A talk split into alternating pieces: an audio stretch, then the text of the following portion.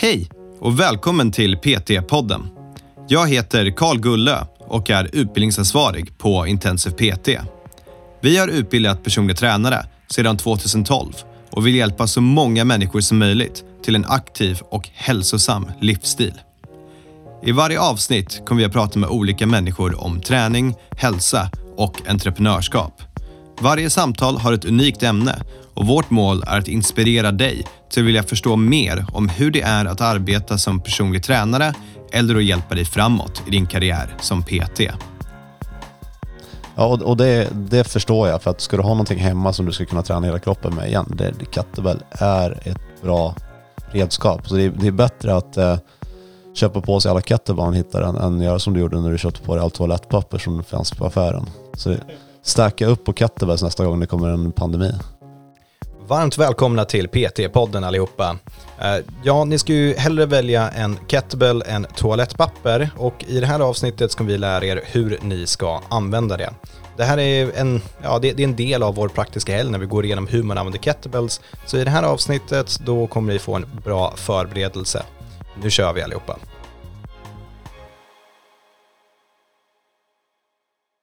Nej, det får du inte.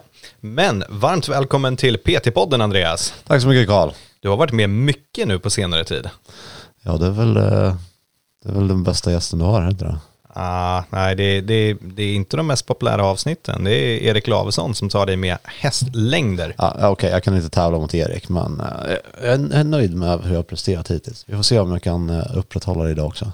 Ja men det tror jag, det tror jag. Vi, vi, har faktiskt ett avsnitt som jag tror du kommer gilla. Vi ska prata om kettlebells idag. Ja men det är bra. Eh, vi har ju sagt länge att vi ska prata om eh, de ämnen som vi har i PT-utbildningen. Det här är ju en del av vår praktik så att eh, det är väl en bra start. Precis, vi börjar ju alltid de praktiska helgerna med att gå igenom kettlebells och fokuset är på hur man lär ut träning, men för att lära ut träning så måste vi ha något redskap eller några övningar som vi fokuserar på. Och i det här fallet så börjar vi alltid med kettlebells. Så det här avsnittet, det är ju självklart för er som lyssnar nu, ni kommer ta del av hur kettlebells funkar, men också om man ska gå den praktiska helgen eller har gått den så kan det vara lite repetition i sådana fall. Um, och det vi kan börja med, det är kettlebells är de här runda fina kloten som finns med ett handtag som man kan kasta runt och leka med. Uh, och generellt sett, det, det jag ser när vi frågar hur många är det som har använt kettlebells förut, det är inte jättemånga. Nej, alltså inte som har tränat seriöst med kettlebell som alla har ju plockat upp en gång och svingat lite grann. Jag tror inte det stämmer. Tror inte? Nej, det, det, jag tror att folk ser det som någon konstig sak i hörnet på gymmen och vet inte vad de ska göra med dem.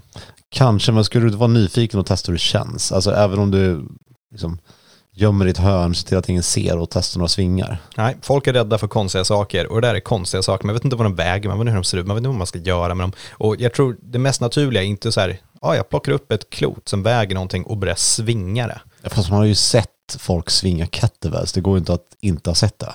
Ja, okej. Okay. Lyssnare, ni får avgöra ja. vem som har rätt i det här. Men hur som helst, det, det, första vi kan ta upp det är lite historien bakom kettlebells. Där finns det ju alltid massa roliga historier. Vilken är din favorit?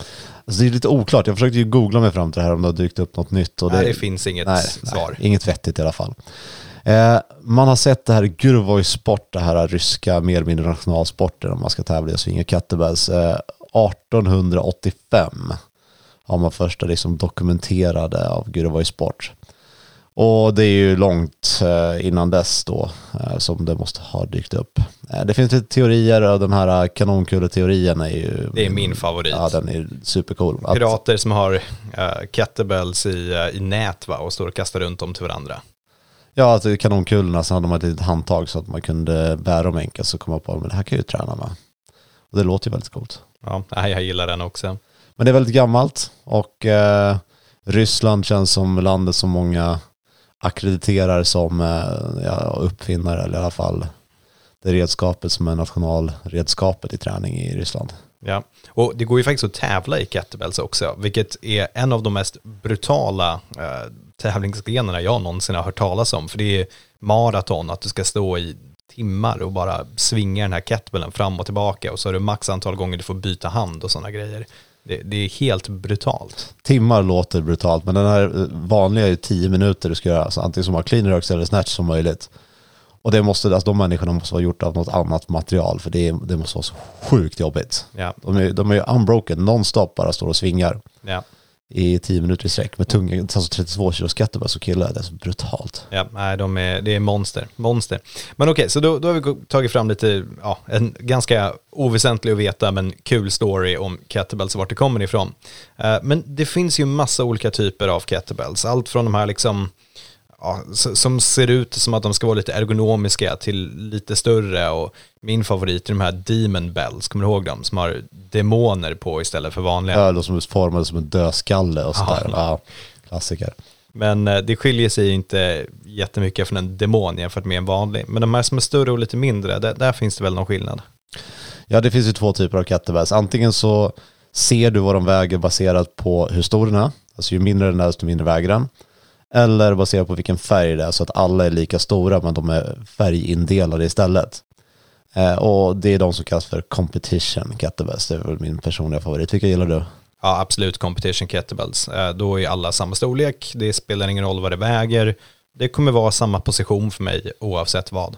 Ja, det brukar vara lättast att jobba med klienter för de vet hur en frontrack ska kännas och ja, de vet hur stor den är och hur mycket plats den tar när man svingar den mellan benen och så. Ja, och generellt sett, du vet de här som är lite mindre som ibland liksom, de är inte runda utan de har någon formning så de ska vara lättare att hålla i och allt sånt där. De är aldrig lättare att hålla i. Nej, det är alltså, alltid knepigare. Kommer man ner under åtta då blir de så små så att det går inte ens att ha dem i frontrack. Det blir liksom bara som en tennisboll som du kan ha i handen. Ja. Nej, nej, inget fan av dem. Okej, okay, så om du ska köpa in kettlebells, köp gärna in, eller ja, träna med competition kettlebells. Uh, det är de som är samma storlek och om det inte finns, ja, men, sak samma. Det är, en ut, det är utrustning. Jag kan tänka mig ett tillfälle som jag kanske skulle föredra de andra och det är om jag är eh, egen personlig tränare och har min egna utrustning som ibland måste fraktas. Ja. För de tar betydligt mindre plats med en 8 än en 8 competition. Det köper jag. Det köper jag till 100 procent. Um, om vi ska fortsätta med det här, då, då är, vad finns det för nytta för personlig tränare? Jag menar, vi har ju massa utrustning vi kan använda oss av på gymmet. Var, varför ska man enskilt hålla på med kettlebell? Ska, ska man göra det ibland? Vad är, liksom, vad, vad är nyttan med det? Alltså, den första nyttan, det kan vi återkoppla till vad vi precis sa, att eh, om du ska starta eget som PT och köpa egen utrustning, då vill du ju ha någonting som är väldigt platseffektivt och eh, du kan göra väldigt mycket med. Så du är inte låst till att göra en sak. Och med kettlebell och lite fantasi så kan du träna hela kroppen. Eh, går du till ett gym, eh, jobbar på ett gym som PT, så är det väldigt troligt att det finns kettlebells. Så att, att kunna en bra grund i kettlebell gör att du kan jobba. Och är du PT och jobbar på ett stort gym och eh, har en klient klockan sex eller klockan sju, var beredd på att varenda skivstång är upptagen, varenda hantel är upptagen, men de där kettlebellsen, de, de finns där. Så det kan man alltid planera in att man har kettlebell alternativ till de övningar som man tänkte sig eller till och med planera in att köra kettlebell. Och man kan ju göra hur mycket saker som helst med dem. Allt ifrån pressar till svingar till knäböj till marklyft. Alltså, allt du kan tänka dig kan du göra med en kettlebell. Allt som du kan göra med hantlar och mer eller mindre skivstång kan du också göra med kettlebell. Så att... oh, och mer kan vi tillägga, för det är ju inte jättebekvämt att så svinga en hantel till exempel. Nej, precis. Allt du kan göra med hantel kan du göra med kettlebell, men allt du kan göra med kettlebell kan du inte göra med en hantel. Nej. Så det är ett bra allsidigt redskap och de flesta tycker det är ganska kul att använda också. Alltså stå och svinga en kettlebell och byta hand till exempel. Är, du tänker ju inte på att du har tränat efter en stund och har gjort massa repetitioner för det är, ja, det är kul att jobba lite koordination och balans och kasta upp den här i luften och vara rädd för att den ska trilla på ens huvud liksom. Eh, det är en ny utmaning.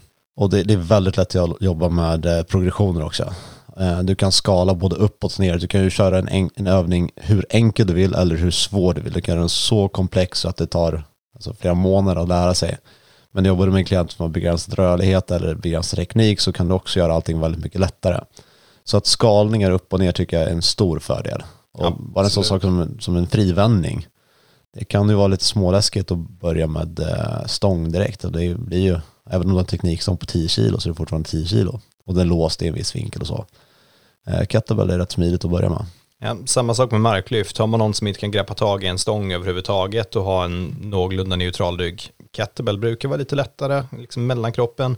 Och du kan höja upp den med viktplattor och sånt också och lära klienten ha en neutral rygg. Så det, det ja, det, det, är väldigt användbart redskap tycker jag. Och suitcase deadlift, alltså det är en kettlebell på varje sida. Då får ja. du nästan som det här häxbar marklyft. Eh, så den går ju att göra, det går att vrida om hävarmarna rätt mycket på den, att man kan stå ganska upprätt.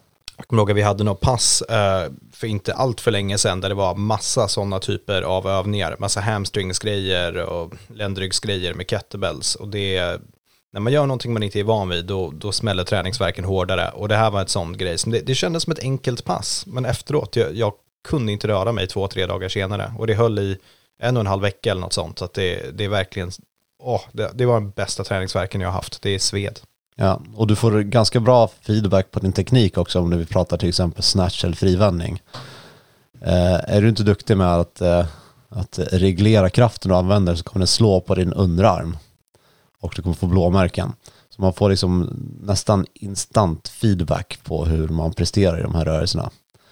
Alltså det, det finns många, många användningsområden och jag tycker att som PT så bör man behärska kettlebells. Det är, eh, det är en bra grund att, eh, att ha med sig det lär en ju ganska mycket om kroppen också.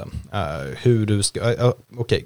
om vi tänker svingar och frivändningar och snatch och sådana saker, att kunna hålla anspänning genom hela kedjan samtidigt som du hanterar ett externt objekt i en explosiv rörelse.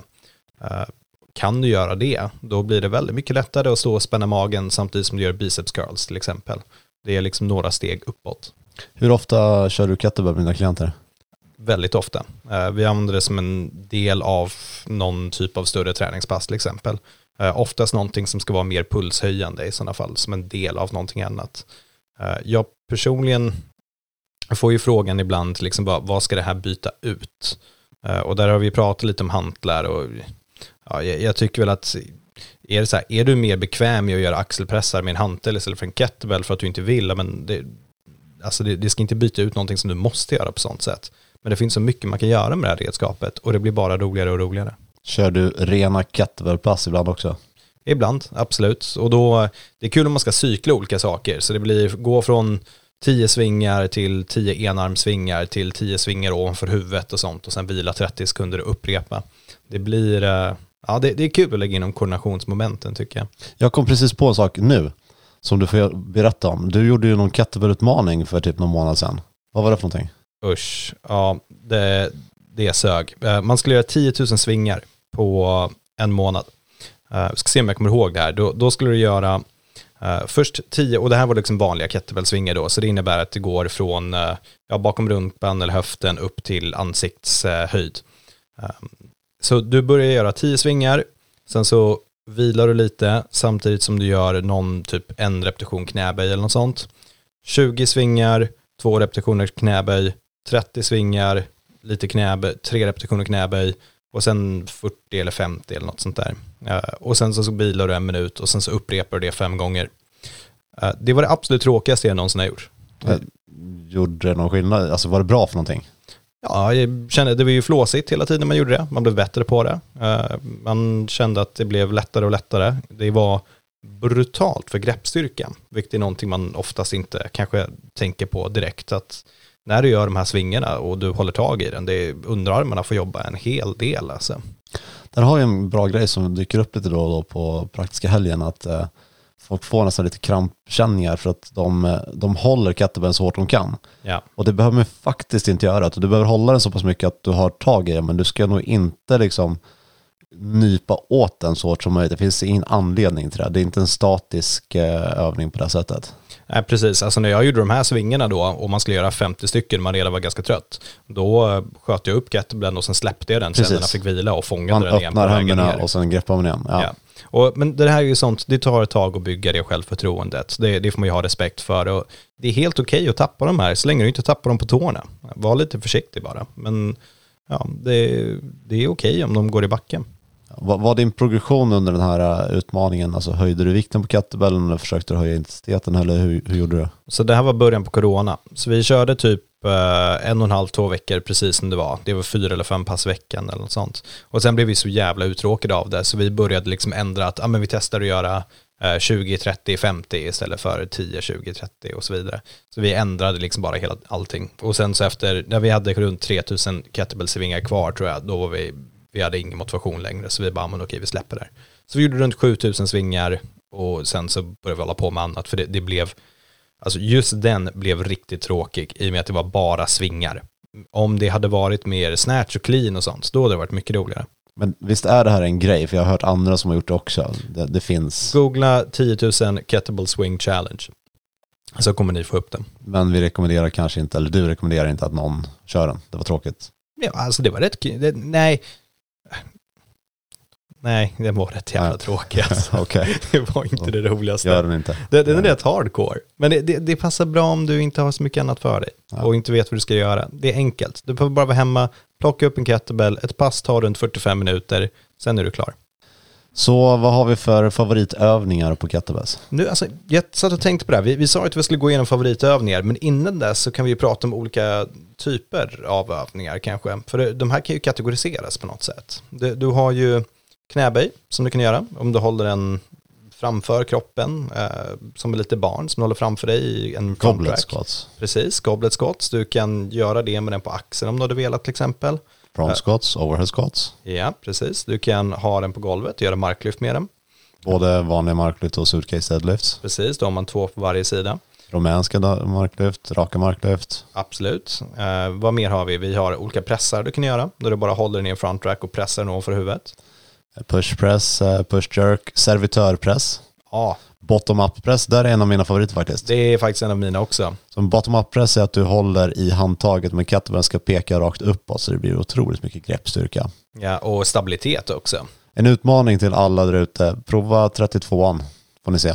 Ja, greppa en 32 kilo kettlebell. Men kanske börja med någonting lättare om ni inte känner att Och ni håll den handen som inte pressar, håll den framför ansiktet så att inte kettlebellen slår er i ansiktet. Det är ett tips. Jag har sett det hända. Bra tips. Okej, så det var lite pressar. Sen har vi svingar. Då har vi um, rysk sving, brukar vara upp till ansiktet, amerikansk sving hela vägen upp, eller, halv, eller halvsving och helsving. Uh, enarmssvingar finns ju också, där det är bara en hand, där du även byter grepp under tiden. Uh, Turkish get-ups, vilket är när man ligger ner på golvet, ska ställa sig upp med den. Och eh, vad mer har vi? Vi har din favorit, en windmill, vilket jag inte kan Windmill klara. är klassiker. Nej, men uh, Windmill får ni googla er till. Eller vi kanske kan eh, spela in den och lägga upp i show notes. Så vi får se hur mycket tid vi har. Men en jättebra rörlighetsövning. Kul. Och, och det är en sån här klassiker som eh, visar skillnad, eh, differens mellan höger och vänster ganska tydligt. Eh, så den är bra. Så det, det här är inte till för att ni ska alltså, memorera allt vi säger, utan bara så ni får lite inspiration på saker ni kan göra med en kettlebell. Men om vi då ska gå vidare till våra favoritgrejer, eh, jag gillar verkligen kettlebell snatch. Eh, när du har en liksom från mellan benen upp till ovanför huvudet och låser ut, eller från golvet och låser ut ovanför huvudet i en fin rörelse. Du, du gör den som en sving upp till en, uh, enarmsving upp till en snatch. Ja, precis. Så du börjar inte från marken. Nej, jag, jag föredrar att börja från en sving för jag tycker man, det är en bättre feeling när man gör det. Och det, det är framförallt feelingen jag gillar i den övningen. Den känns cool och den ser cool ut och man låser ut snyggt ovanför huvudet. Och det, ja, det, det är bara en övning som känns ganska, det, ganska stark. Ja, jag håller med, den känns bra till skillnad från snatch med skivstång som gör ont i hela kroppen. Ja, För dig kanske för att du är gammal, orörlig och stel. Ja, kanske. Mer? Vilka av ni gillar du? Bottom-up-pressen är ju total favorit, eh, som du nämnde. Där man har kettlebellen och håller i handen och pressar om för huvudet. Den gjorde jag faktiskt en stor del i axelrehabilitering. Eh, när, ja, bara- allmänt i, i tyngdlyftning så pressar man mycket om för huvudet. Och, ja, det är väl prehabilitering, för då kan man pressa med den här eh, kettlebellen och så börjar bygga stabilitet ovanför huvudet också. Så de, den gillar jag verkligen. Eh, jag får vänta med min sista, vad, vad mer har du? Jag har ju alltså kettlebell thrusters är bland det vidrigaste man kan göra. Ja, så ett knäböj med en press. Ja, eller en precis. pushpress snarare. Precis. Så dubbla 32 och göra ett gäng uh, thrusters, det är inte kul. Oh, ska vi ta värsta kettlebellminnen då? Ehm, jag kommer ihåg att vi, jag, jag hade något pass någon gång när det var typ, eh, ja du skulle göra, jag vet inte, säg eh, 200 kettlebellsvingar eller något sånt ehm, med en rätt tung vikt där du varje minut på minuten var tvungen att avbryta och göra fem burpees eller något sånt där. Du får bara fortsätta jobba Mm. kettlebellsvingar. Sånt är helt brutal jobbigt. Ja, jag gjorde en, en fran en gång eh, med dubbla 32 på thrusters med 21, 15, 9 thrusters och eh, pull-ups. Den var hemsk. Alltså vanliga fran är ju skön jämfört med den. Ja, ja alltså ena axlarna, det, det måste vara helt brutalt. Och alla de här övningarna som vi säger nu, kettlebellsvingar och sånt, kan du göra med två kettlebell samtidigt också. Då får du stå lite bredare. Eh, Men det går ju jättebra och se lite asymmetri där. Va, vad mer har du för favoritövningar? Jag funderar på det. Jag, gillar ju de här lite konstiga övningarna också, typ eh, enarms eh, kettlebell pistol en, en pistol, liksom en kettlebell i frontrack på ena sidan. Eh, sen, sen, kan jag tycka att för, för klienters del så, så här, utfallssteg med eh, kettlebell låst ovanför huvudet till exempel. Ja. Sotspressar med en kettlebell är jättebra. Så du ja. sitter ner i ett knäböj, har en kettlebell i en front rack och ska pressa ovanför huvudet. Ja. Det är väldigt bra liksom, mobility-övning för att bygga lite koordination. Ja, och allting det här som vi pratar om nu går egentligen att göra med, antingen med eh, båda händerna på kettlebellen, en arm i taget eller en kettlebell i varje hand. Så det är liksom tre variationer på, på det mesta. Eh, och det leder ju också till ännu mer variation för klienten. Så att, eh, igen, jag, jag är ett verkligt fan av kettlebells. Men det, så nu, nu, säger vi mycket bra saker, men är det någon som inte ska hålla på med kettlebells då? Liksom om du är gravid eller om det är, det är någonting sånt, du har problem med ryggen? Nej, det, det är som, man kan sällan säga liksom att man ska alltid göra så här eller man ska aldrig göra så här.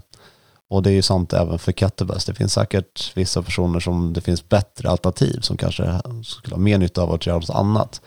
Men jag kan inte komma på speciellt mycket, många klienter som jag på rak arm kan säga att nej, men de här typerna av klienter jobbar jag inte med kettlebell på. Utan det handlar mer om att göra rätt eh, rörelse än, än någonting annat. Där har vi en sak också som man kanske kan nämna lite grann och det är det här med att många tror att eh, kettlebell ska vara skadligt för, för rygg verkar det vara konsensus. Ja, det, det tror jag också. Och det är väl, jag antar att det är för den här äh, höftfraktionen, höftflexionen, höftextensionen, så att vi liksom böjer oss och är lite framåtlutande med vikt. Ja, och det är samma liksom, resonemang som folk tror att marklyft är dåligt för rygg. Och eh, det, det, har ingenting med, med, redskapet eller ens med vikten att göra, utan det har med, äh, med, med tekniken och positioner, att du inte utsätter kroppen för någonting som de inte fixar. Men att göra kettlebell kan ju till och med vara ryggrehabilitering. Och eh, att ha mer vikt kan ju vara mindre skadligt än att ha mindre vikt. Så det finns egentligen ingen, eh, det finns ingen anledning att vara rädd för det och det finns ingen anledning att säga att det är det här vi alltid ska jobba med. Nej, nej jag håller med till 100%. Är, spänn magen, ha lite stabilitet när du utför det så kommer det inte vara några problem alls. Eh, det är ju lite svårt att få tag på kettlebells just nu dock. Jag vet inte om de har börjat få in det, men kettlebells var ju den första träningsutrustningen som sålde slut på under hela coronafasen. Ja, och, och det, det, förstår jag. För att ska du ha någonting hemma som du ska kunna träna hela kroppen med igen, det, det kettlebell är ett bra redskap. Så det, är, det är bättre att eh, köpa på sig alla kettlebell man hittar än, än göra som du gjorde när du köpte på dig allt toalettpapper som fanns på affären. Så stacka upp på kettlebells nästa gång det kommer en pandemi. Ja, jag håller med. Ja. Vi nöjer oss där. För er som ska göra praktiska helgen, lyssna på det här innan. För er som har gjort praktiska helgen, perfekt med repetition för er. Ha det så bra allihopa. Ha det bra.